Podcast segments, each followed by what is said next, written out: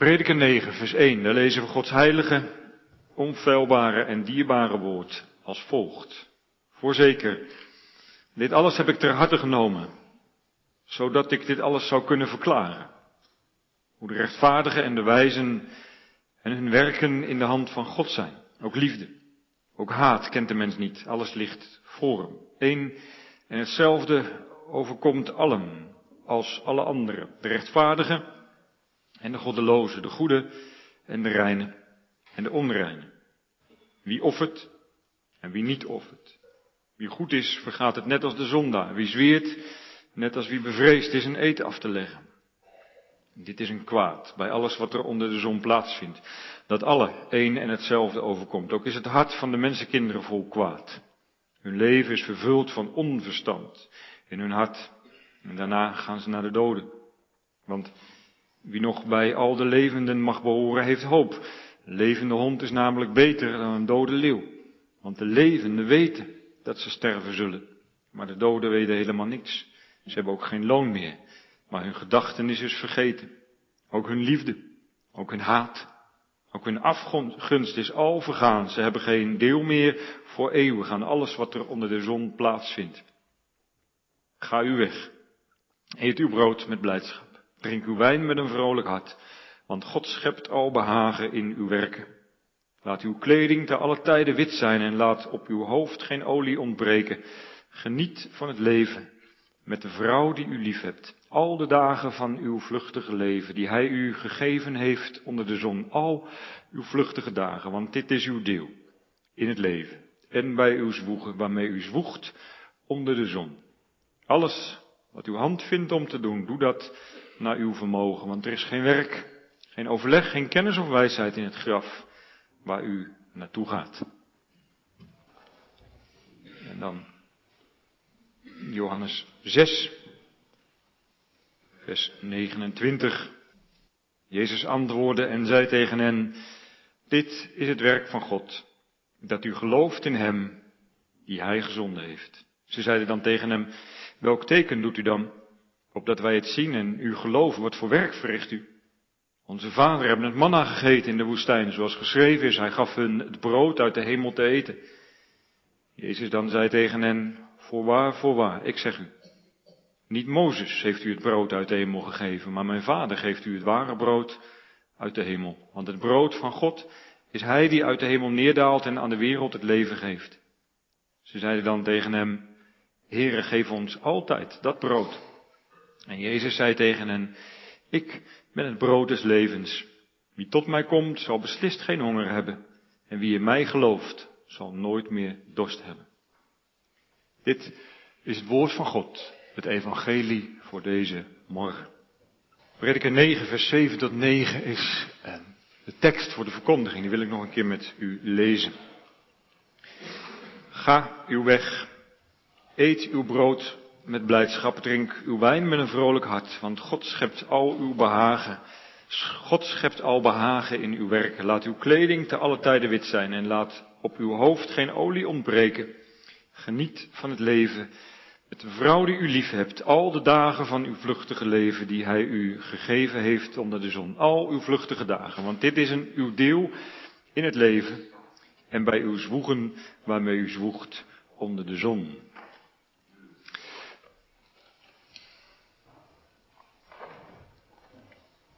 Gemeente van Christus, eh, op de school waar ik als puber zat, werd de overgang tussen de middeleeuwen en de nieuwe tijd, de overgang tussen de middeleeuwen en de renaissance, eigenlijk keer op keer beschreven met twee Latijnse uitdrukkingen.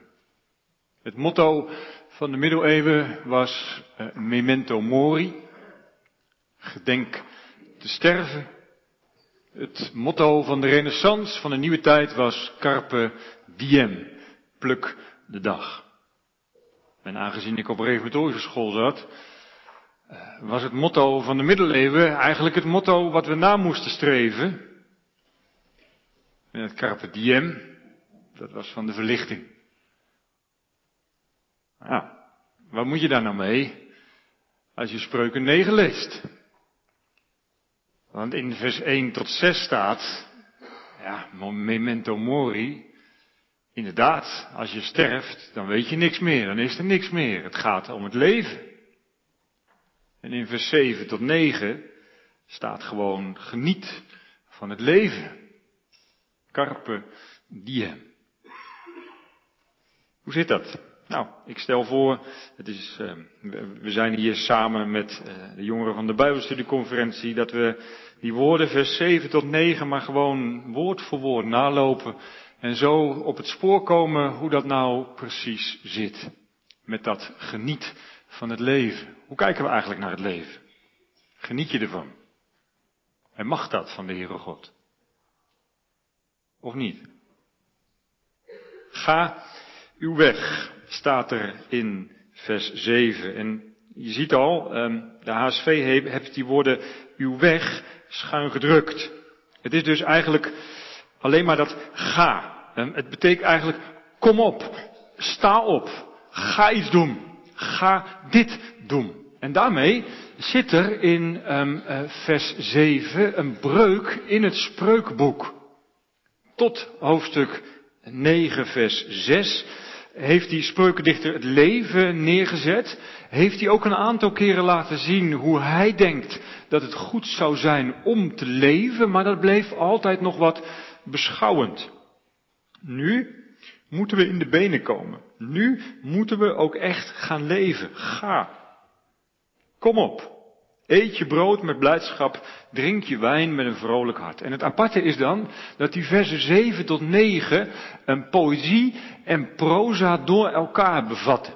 Poëzie op de Joodse manier. Dus dat je iets zegt en dan in een zin erna hetzelfde zegt met andere woorden. Waardoor die tweede zin eigenlijk een verdieping is van de eerste. Kijk maar naar vers 7. Eet uw brood met blijdschap Drink uw wijn met een vrolijk hart. Dat is een heel klein Hebreeuws gedichtje.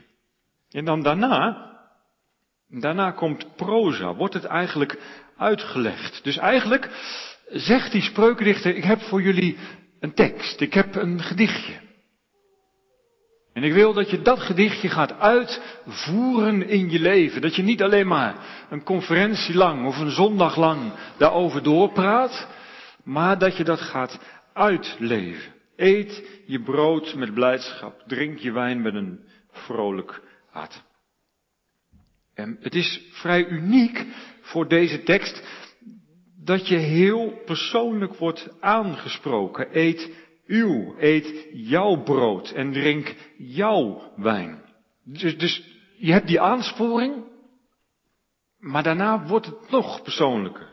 Sta op, Eet brood en drink wijn. Nee, eet jouw brood. Drink jouw wijn. Het gaat niet over geniet van het kopje koffie strakjes naast na de dienst. Nee, het gaat over geniet van jouw kopje koffie na de dienst. Eet uw brood. Brood is in het Oude Oosten eigenlijk een soort uitdrukking voor de hele dagelijkse maaltijd. Die drie maaltijden per dag die je eet worden samengevat in dat ene woordje brood. Je ontbijt morgens, je lunch middags, je diner s avonds. Eet dat brood met blijdschap. En wijn? Wijn is dan een drank die, die, die ook bij die dagelijkse maaltijden wordt gedronken, maar in de Bijbel vaker de uitdrukking is voor de feestdagen. Dus je hebt de dagelijkse maaltijden en je hebt een verjaardag, waar je een ander kleed neerlegt, maar misschien wel een ander bestek. Of je hebt de zondag, waar je net iets anders eet en net iets anders doet, omdat het feest is. Brood moet je eten met blijdschap. En wijn drink je met een vrolijk hart. Dat vrolijke hart is een unieke uitdrukking hier in eh, Prediker 9. Wat is dan een vrolijk hart? Het gaat vooral over um, het geluk dat je um, beseft waar je je bewust van wordt.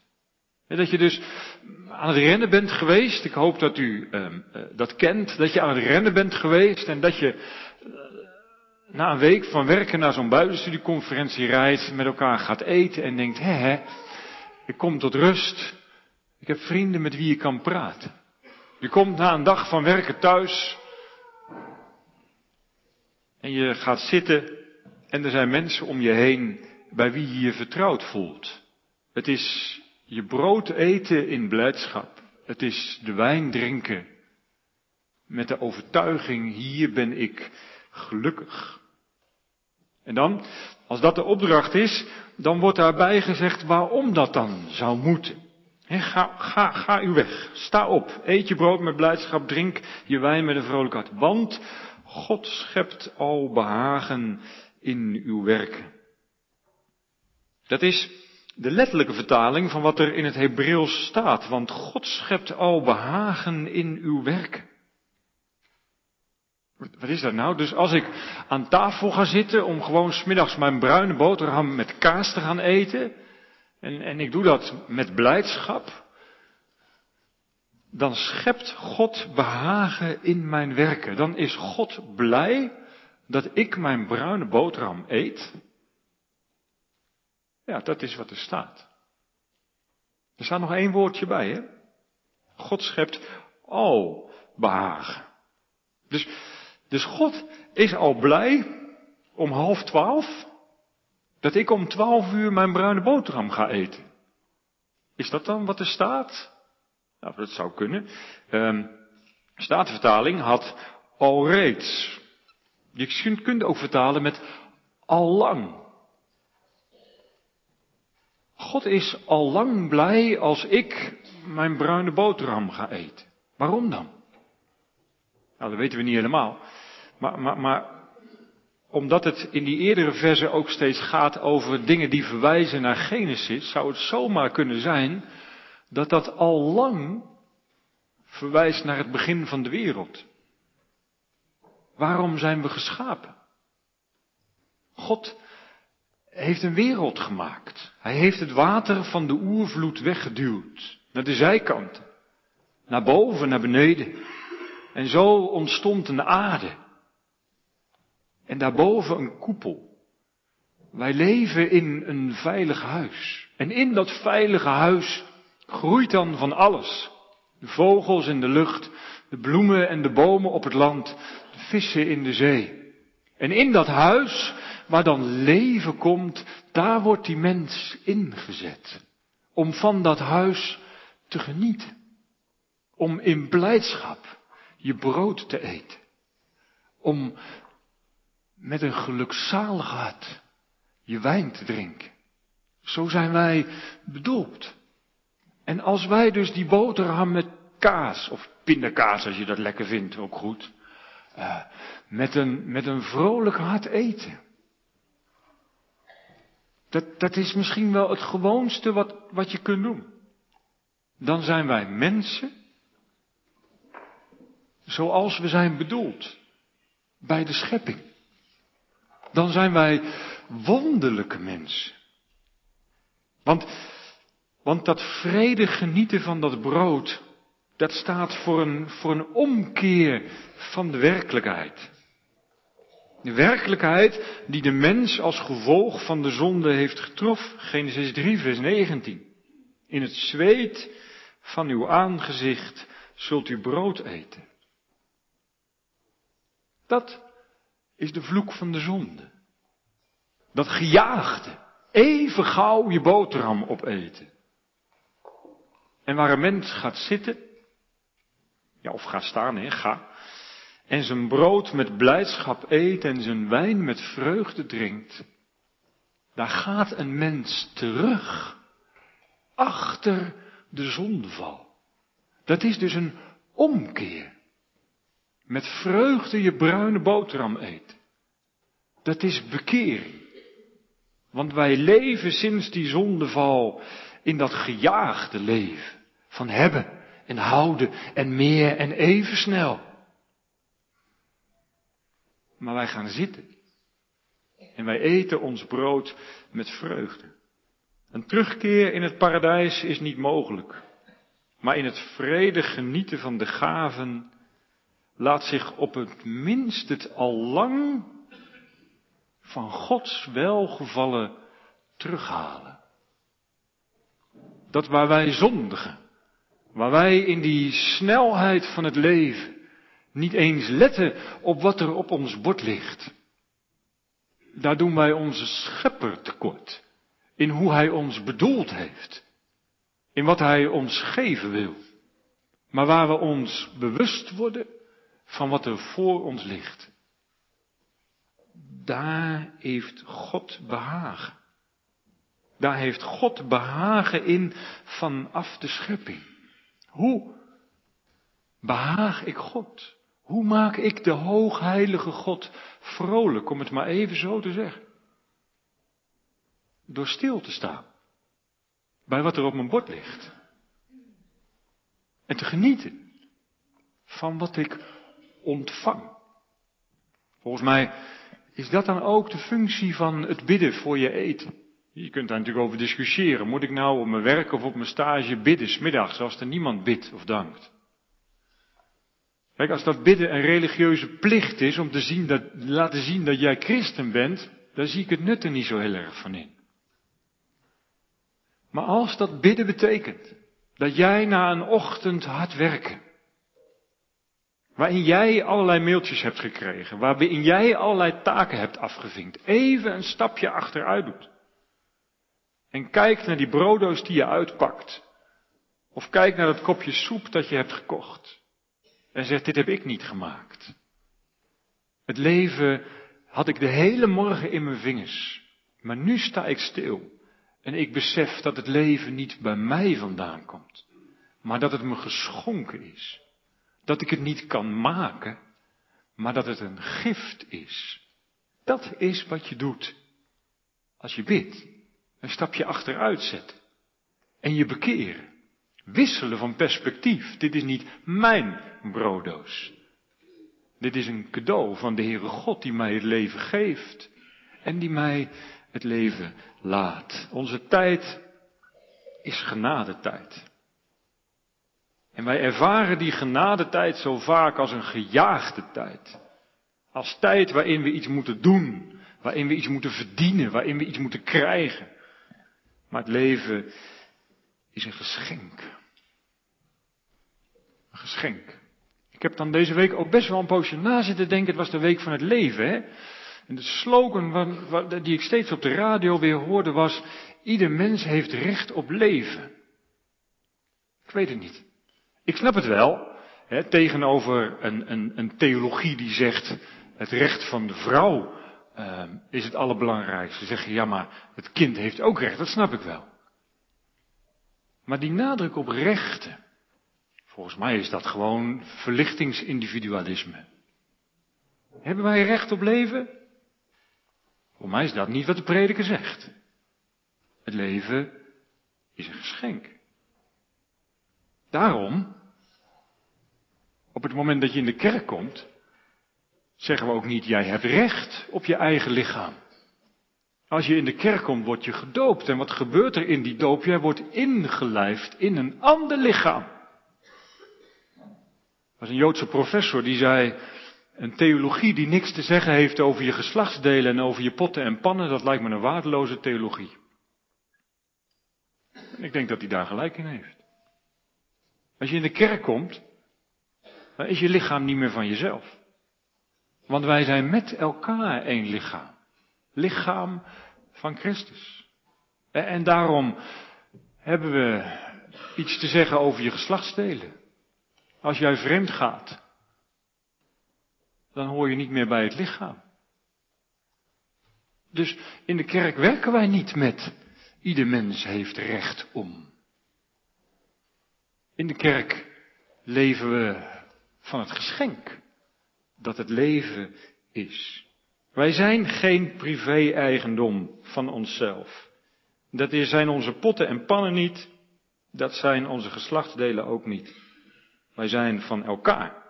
Met elkaar zijn we van de Heere God. Ga, eet je brood met blijdschap, drink je wijn met een vrolijk hart. Want God schept al vanaf het begin van de wereld behagen in jouw werken. In jouw smeren van je bruine boterham. In jouw glaasje wijn op een verjaardag. Vers 8. Vers 8 bevat nog meer uh, vormen van genot. Laat uw kleding te alle tijden wit zijn en laat op uw hoofd geen olie ontbreken. Dat is een beetje een ingewikkelde, want wat wordt nou bedoeld met die witte kleding? Witte kleren en olie zijn goederen die zowel in het dagelijks leven als op feestdagen een plek hebben. Witte kleren worden in een warm klimaat nog steeds dagelijks gedragen. Maar ook op feestdagen. Bij olie, dat is hetzelfde. Olie is een gebruiksgoed. In een warm klimaat gebruik je olie om je in te zalven tegen het uitdrogen van je huid. is een soort zonnebrandcrème. Maar aan de andere kant wordt olie gebruikt bij feesten. En om bijvoorbeeld een koning te zalven. Het gaat dus bij die witte kleren en bij die olie niet uitsluitend om luxe producten. Dan, dan zou dus de, de, de boodschap zijn, um, loop elke dag van je leven in je feestkleren. Nee, er staat iets anders. Er staat ook niet, loop elke dag van je leven op zondag of door de week in je dagelijkse kleren. Het gaat om dingen die dagelijks gebruikt worden, maar die je ook kunt gebruiken op een feest. Als je bijvoorbeeld een, een overhemd gaat kopen, wat je van plan bent vooral door de week te gaan dragen, maar waarvan je denkt, oké, die wil ik ook op die bruiloft dragen, dan denk je van tevoren na over wat voor kwaliteit dat ding heeft. Dan, dan gebruik je dat hemd door de week, maar je weet, ik, kunt het, ik kan het ook aan op een feest. En andersom, uh, ik weet niet of er uh, mannen zijn die hun, uh, het overhemd van hun trouwpak nog wel eens dragen. Ehm, maar dan kun je dat door de week dragen. Alleen je beseft regelmatig, dit was het overhemd dat ik droeg op het feest. Dus het zijn soms heel gewone dingen. Die maken dat dat gewone dagelijkse leven, je zit achter je computer met dat overhemd, iets krijgt van de glans van het feest. En dan, dan staat hier, laat uw kleding te alle tijden wit zijn. En laat op uw hoofd geen, dus nooit olie ontbreken. Dat kan, omdat die goederen altijd voorhanden zijn. En het mag, omdat het dagelijks leven dus tot een feest mag worden. En het feest mag worden tot iets dagelijks. Dat, dat gaat dus in tegen een manier van leven die zegt, nou ja, ik, ik moet even hard werken en dan heb ik genoeg geld om vroeg met pensioen te gaan en dan kan ik mijn ding doen, dan kan ik eh, een wereldreis gaan maken. Het gaat in tegen een manier van leven die zegt, nou ja, mijn werk, dat is gewoon mijn werk. En op vrijdag, dan begint mijn weekend. Dan kan ik losgaan. Mijn leven is ingewikkeld, maar in de kerk, dan word ik even uitgetild boven het dagelijkse leven. En daarvan zegt die prediker, wat heb jij dan voor gewoon leven? Jij ziet het dagelijks bestaan niet meer als een geschenk. Er zijn momenten waar je even eruit moet vluchten. dat is natuurlijk in, in, in, in de wereld van het uitgaan helemaal. Van ik kan pas boven mijn eigen leven uitstijgen op het moment dat ik, dat ik drugs gebruikt heb. Maar dan, dan is je dagelijkse leven dus eigenlijk ehm, iets wat niet zoveel voorstelt. Nee, zegt die prediker, je hele, je school, je werk, je stage, bijbelstudieconferentie en naar de kerk gaan. Het is allemaal bestaan dat je van God hebt ontvangen. Je mag leven voor God, voor Gods aangezicht. Laat uw kleding te allen tijd wit zijn. Neem je dagelijks leven mee naar de hoogtijdagen. En neem de hoogtijdagen mee het dagelijks leven in. Want elke dag is een dag die je geschonken wordt door de Heere God. Daar was hij al mee begonnen. Eh, bijvoorbeeld in eh, Prediker 8, vers 15. Daarom prees ik de blijdschap, omdat de mens niks beters heeft onder de zon dan te eten, te drinken en zich verblijden. Dat zal hem immers vergezellen bij zijn zwoegen, de dagen van zijn leven die God hem geeft, onder de zon. dus die prediker zegt niet, ach doe niet zo moeilijk, maak gewoon van alles een feestje. Nee, het gaat over zwoegen. Dagen van zwoegen onder de zon. Het gaat over een leven buiten het paradijs. Het gaat ook over een leven dat God niet heeft losgelaten. Het gaat over een leven voor Gods aangezicht. Dan, dan krijgt deze jonge man in vers 9 een opdracht. Nu niet meer om zelf iets te doen, maar om samen iets te doen. Geniet van het leven met de vrouw die u lief hebt. Waarschijnlijk zijn verloofde, de vrouw met wie hij is getrouwd. Geniet van het leven met de vrouw die u lief hebt. Al de dagen van uw vluchtige leven die hij u heeft gegeven. Het is belangrijk om te zien dat die vrouw naast die jonge man van prediker 9 wordt gezet. En samen gaan ze genieten van het leven. Die prediker, die had namelijk al een stukje eerder iets verteld over um, hoe hij leefde. In hoofdstuk 1, vers 12 tot hoofdstuk 2, vers 26 vertelt hij hoe hij heeft geprobeerd om alles uit het leven te halen. In hoofdstuk 2, vers 8, dat is een tekst die in de Statenvertaling in de HSV een beetje omvloerst vertaald is, maar die eigenlijk zegt, ik heb zangers gekregen en ik heb het verlangen van mannen gekregen, vrouwen en nog meer vrouwen. Dat is een andere wereld, hè? Ik heb het verlangen van mannen gekregen, vrouwen en nog meer vrouwen. Dat is waar hij naar gestreefd heeft. Hoe word ik gelukkig in dit leven? Hoe krijg ik het gevoel dat ik geluk heb als ik drink en als ik eet? Als ik krijg wat ik hebben wil. Het verlangen van mannen, vrouwen en vrouwen. Dan wordt die vrouw dus het bezit. En, en zo gaat het in hoofdstuk 1 vers 14 tot hoofdstuk 2 vers 26 over nog wel meer dan alleen vrouw. Dat is dus een manier van leven. Waarbij je niet samen met anderen leeft, maar waarbij jij in het midden staat. En je alles wat in deze wereld is, als het ware uitstalt om jouw centrale figuur heen. En jij weet op welke manier je gelukkig wordt.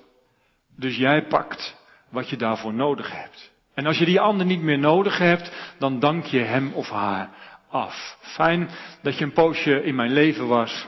Nu kan ik je niet meer gebruiken. Het ga je goed. Dat is één. Je kunt andere mensen dus vooral gebruiken. En dan zegt die prediker, geniet van het leven met de vrouw die u lief hebt. Mag die ander net zo'n schepsel zijn als jij? En net zoveel recht hebben op het leven. Dat is natuurlijk eigenlijk waar die tweede tafel van de, van de wet um, vooral over gaat. Hè? Gij um, zult niet stelen, want de Heere God heeft dingen aan die ander gegeven.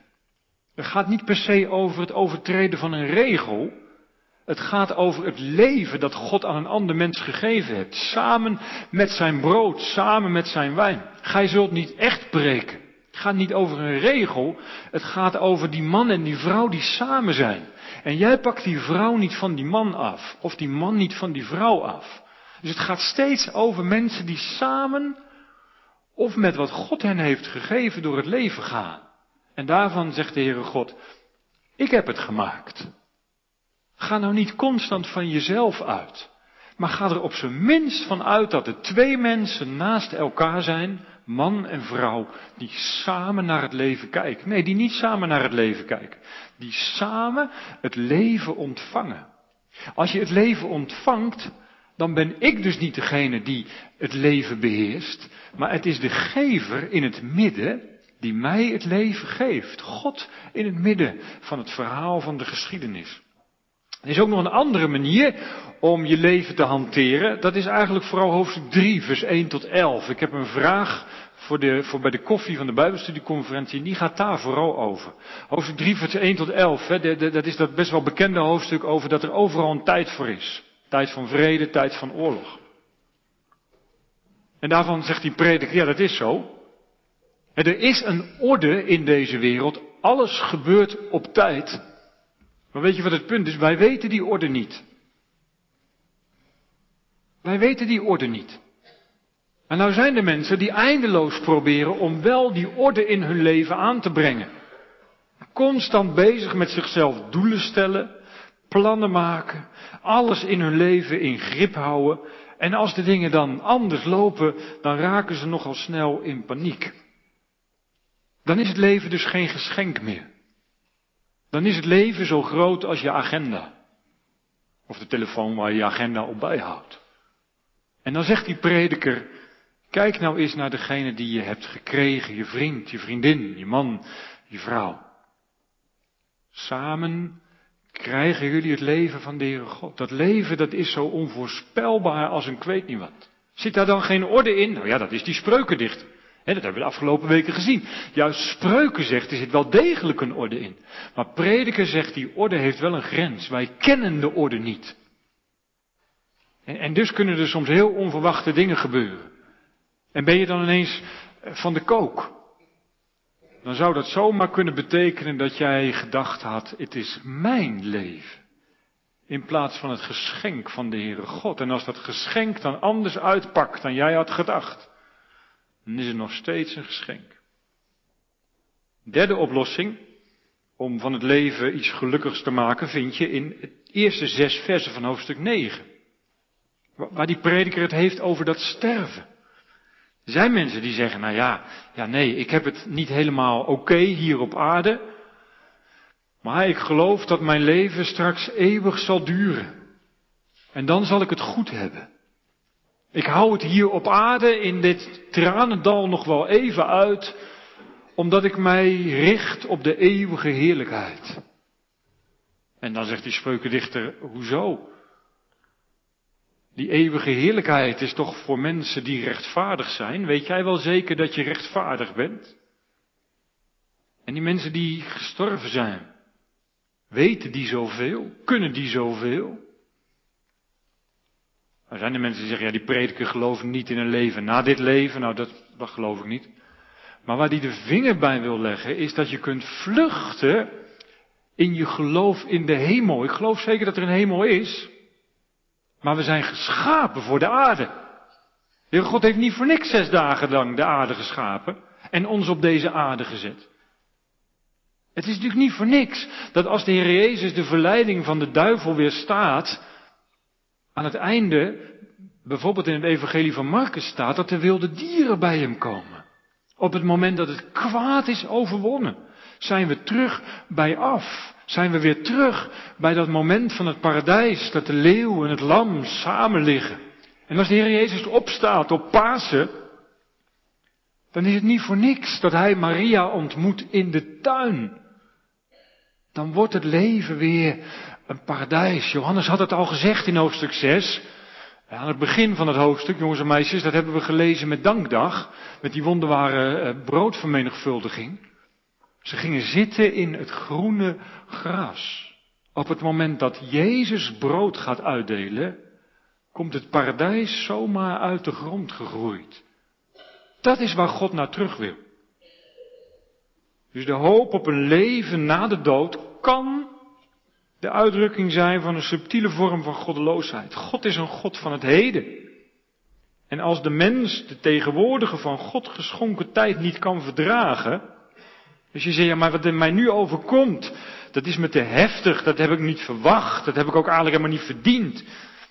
Als je je leven niet kunt verdragen, dan vluchten we graag in de toekomst. Een toekomst die we ons dan als de nabijheid van God voorstellen. Maar zo vervangen we het geloof in God door een geloof in een voorstelling die we van God maken. God schenkt ons dit leven. Met de pijn, met de moeite, met de schuld die je in dit leven hebt. En tegen deze achtergrond is de oproep van prediken naar het hier en nu niets anders dan een oproep tot bekering. Een oproep tot geloof. Voor de prediker is alles wat gebeurt doen Gods. Niet alleen maar als je zegt, wat gaat het mooi. Wat heb ik een mooi gezinnetje. Wat heb ik een mooie baan. Wat heb ik een leuk huis. Dit hele leven is doen Gods. Een mens komt niet in het hiernamaals doordat hij het hier numaals ontvlucht. Maar daardoor dat je het hier numaals accepteert en aanvaardt als wat het in waarheid is, als daad, als werk en als gave van God. Kun jij dat? Kunt u dat? Niet alleen maar op de mooie dagen, maar juist ook op de kwade dagen. Je leven aanvaarden als wat het in werkelijkheid is. Daad van God. En dan het laatste vers. Vers 9. Eh, tweede helft. Geniet van het leven met de vrouw die u lief hebt al de dagen van uw vluchtige leven die hij u gegeven heeft onder de zon. Al uw vluchtige dagen. Dat is wel een beetje een koude douche. Het gaat over genieten van het leven. En dan staat er al de dagen van uw vluchtige leven. Tot twee keer toe. Die hij u gegeven heeft onder de zon. Al uw vluchtige dagen. Dus, dus, dus ik geniet van het leven, van het brood, van die wijn, van de, van, van de vrouw die me geschonken is, van die witte kleren en die olie. Maar het zijn wel vluchtige dagen. Daar zit hem volgens mij het punt waar we mee begonnen. Moet je nou zeggen memento mori, gedenk te sterven, of moet je nou zeggen pluk de dag? Die prediker zegt pluk de dag. Maar pluk die dag in een wereld die een zondige wereld is. Pluk die dag in de wetenschap dat jij een zondig mens bent. Maar pluk die dag in je vluchtige leven, op al je vluchtige dagen, als het leven, en dat is belangrijk, dat God je heeft gegeven. Dat staat er tussenin, hè?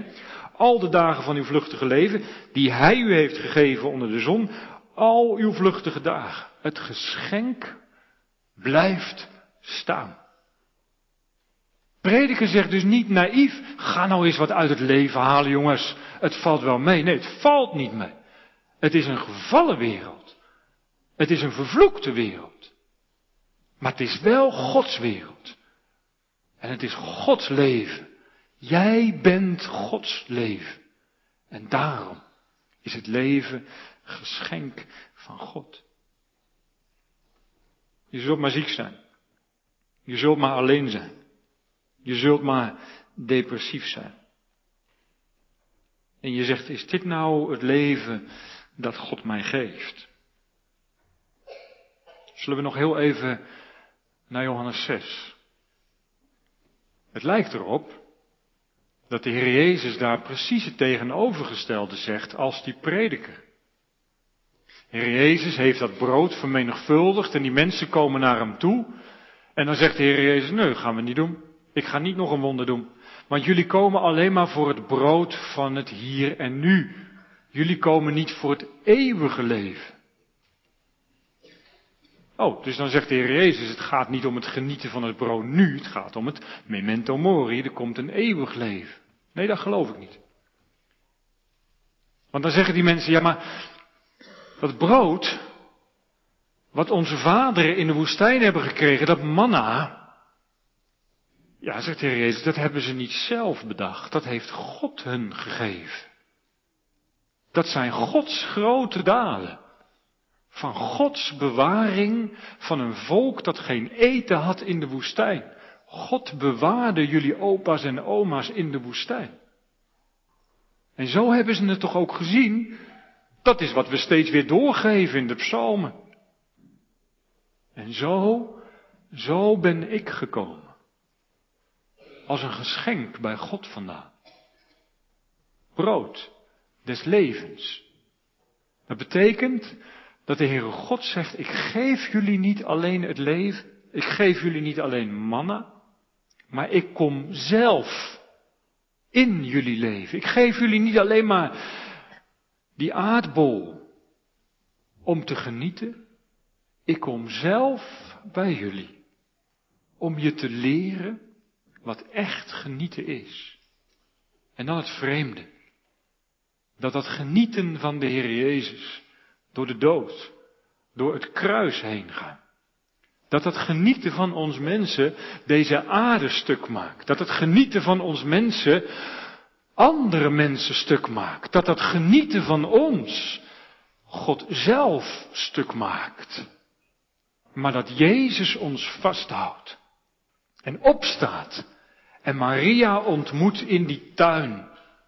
En hij noemt haar naam Maria en zij knielt voor hem neer en zegt Rabuni, mijn meester.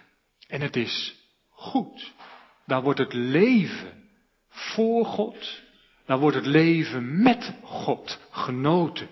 Maria en Jezus. En zo, zo komt Jezus naar die mensen toe. Die hebben God nodig om een wonder te zien. Die hebben God nodig om weer even door te kunnen leven. Die hebben de zondag nodig om er weer een weekje tegenaan te gaan. Maar Jezus zegt nee. Dat manna, dag in dag uit, was steeds een geschenk van God. God kwam in heel jullie leven. En niet maar met een wonder om je weer vooruit te helpen. En zo kom ik als God in jullie midden. Niet maar als degene die je zonde moet vergeven zodat je naar de hemel kan. Niet maar als degene die ervoor zorgt dat jij eindelijk kunt zeggen dat je een kind van God bent of aan het avondmaal kunt gaan. Maar als degene die bij je is, door woord en geest, dag in, dag uit. Zodat het leven niet meer jachtig is. Zodat het leven niet meer een eeuw is. Maar zodat het leven is vervuld van goede tierenheid en genade. Zodat ook die dagen van ziekte, ook dat bezoek aan het ziekenhuis, ook dat voorbereiden op het sterven, zodat ook dat alleen zijn, die worsteling met jezelf, met God of met je vriendin, een dag is die je van God krijgt. Omdat God zelf, net als dat mannen, naar jou is afgedaald en niks liever wil dan dat jij in vrede met Hem eet. Daarom hebben we niet alleen maar de doop, waardoor je wordt ingelijfd in dat lichaam, maar daarom hebben we ook het avondmaal. Waar je samen eet met je schepper, de heilige, tegen wie je zondigt, bij wie je niet, niet waard bent om thuis te komen. Hij nodigt je uit. Eet jouw brood met vreugde, drink jouw wijn met een gelukkig hart.